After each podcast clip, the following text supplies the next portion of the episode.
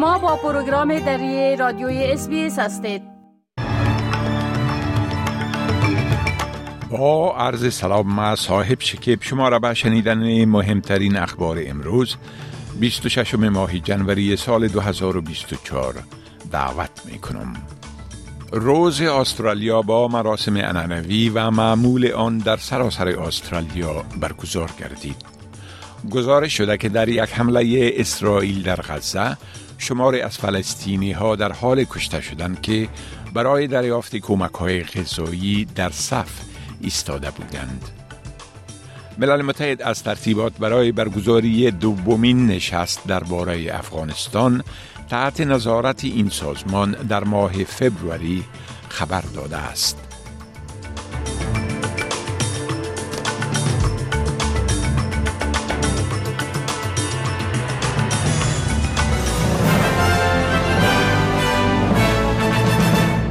تفصیل اخبار روز استرالیا با مراسم اننوی و معمول آن در سراسر کشور برگزار گردید.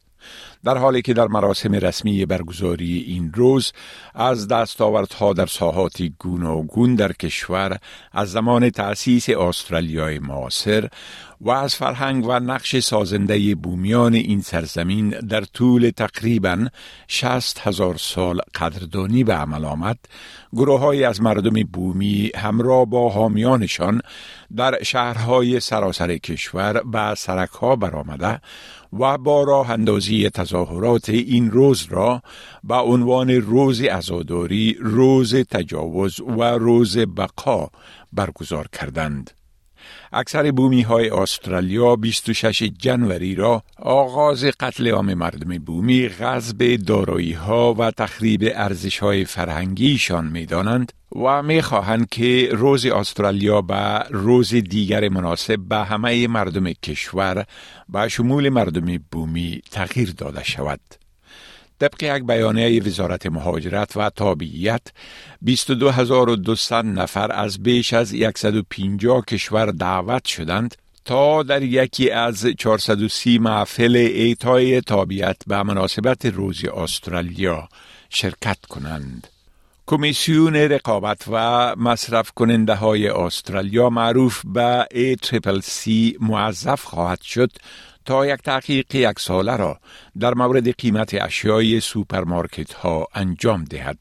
صدر اعظم انتونی البنیزی در سخنرانی در کلب ملی مطبوعات این خبر را اعلام کرد.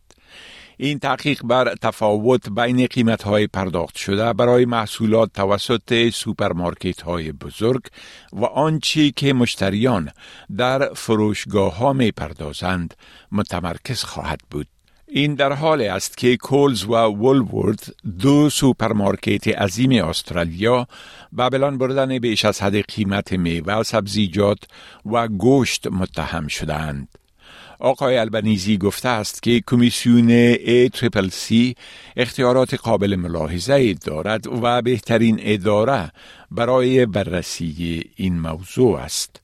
دیوید لیتل پراود رهبر حزب Nationals از تحقیقات حکومت در مورد سوپرمارکت ها استقبال کرده اما می گوید که قوانین قوی تر نیز باید فراهم شوند. آقای لیتل پراود به چینل نو گفت که به خاطر حصول نتیجه بهتر از این تحقیقات باید به کمیسیون رقابت و مصرف کننده های استرالیا صلاحیت بیشتر هم داده شود. It's important to understand while it is a 12 month inquiry, if the ACCC finds something, uh, they can act. And that's why we said uh, last year this is something should happen, but we also need to bring in divestiture powers, have big stick when uh, big stick legislation. When we've got supermarkets that control 74% of the market, yeah. they are the marketplace, and their behaviour between the farm gate and the checkout is abhorrent at times. And we just want fair, transparent mm. prices. وزارت صحت غزه گفته که حداقل 20 فلسطینی که برای دریافت کمک های غذایی در صف ایستاده بودند در حمله اسرائیل به شهر غزه کشته و 150 نفر دیگر زخمی شدند. سازمان جهانی صحت گفته است که وضعیت غذا در شمال غزه وحشتناک است و کارکنان سازمان های بشر دوستانه می گویند که افراد ناامیدی که به وضوح از گرسنگی در حالت مرگ هستند با کمک های قلیلی که به آنجا می رسد حجوم می برند. تدراس اندم گبریاسس رئیس این سازمان در حالی که هین صحبت یک راه حل سیاسی را تقاضا می کرد به گریه افتاد و گفت صحبت کردن برایش دشوار است چون خرابی وضعیت فراتر از بیان آن با الفاظ می باشد. The risk of epidemics is increasing and people will die because of that as well. And people are facing death or risk of death because of hunger and starvation and famine. If you add all that, I think it's not easy to understand how hellish the situation is. ولید گدبان نماینده اسرائیل در پاسخ گفت که جامعه جهانی تصمیم گرفته به های اسرائیلی که هنوز در غزه اسیر هستند اهمیت ندهد و این نشان دهنده یک شکست اخلاقی بزرگ است. گفتم می شود که بیش از 130 گروگان هنوز در غزه اسیر هستند. یک مقام سازمان ملل متحد پس از بازدید از غزه وضعیت در آنجا را غمانگیز توصیف کرده است. این در حال است که فلسطینی ها بر روز چهارشنبه در محل حمله هوایی اسرائیل بر رفع در جنوب غزه گرد هم آمده و به بیرون آوردن اجساد از زیر خرابه ها کمک کردند. در این منطقه همسرحد با مصر بیش از نیمه از نفوس دو سه میلیون نفری نوار غزه که به خاطر جنگ بین نیروهای اسرائیلی و حماس آواره شده پناه گرفتند.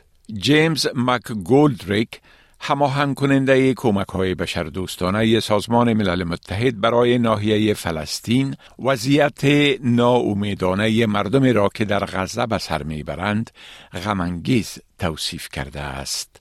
The visit yesterday in, uh, in Kerem Shalom and in Rafah itself was actually quite tragic because you see yourself that Uh, we are struggling to catch up with the massive numbers there. We're struggling to basic services. The people themselves are really struggling to get through this.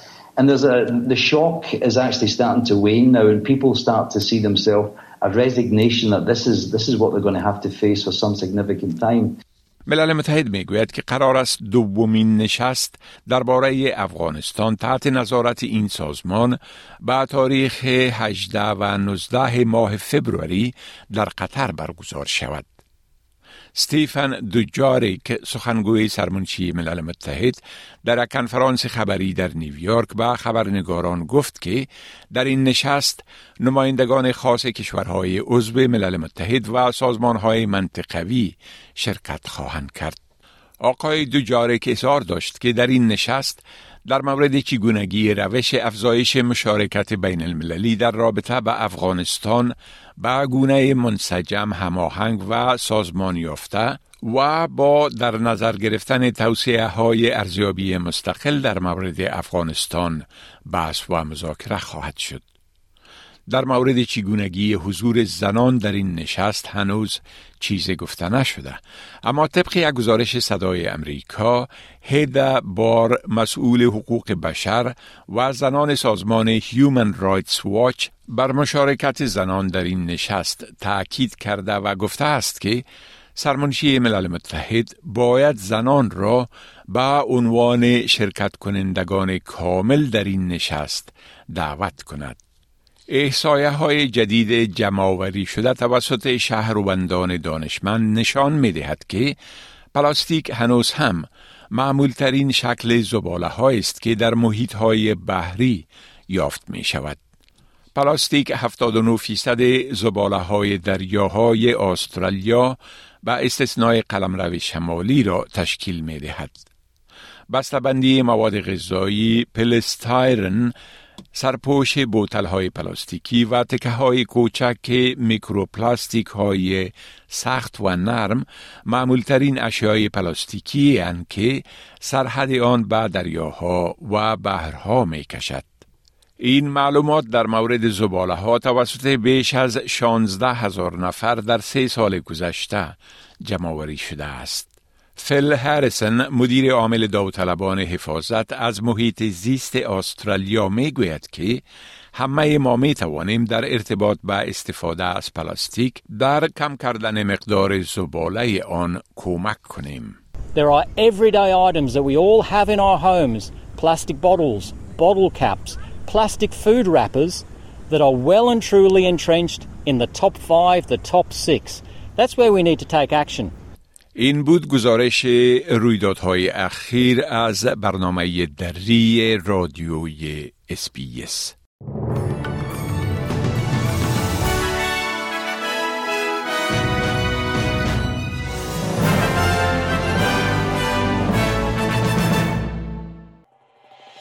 می خواهید این گونه گزارش ها را بیشتر بشنوید؟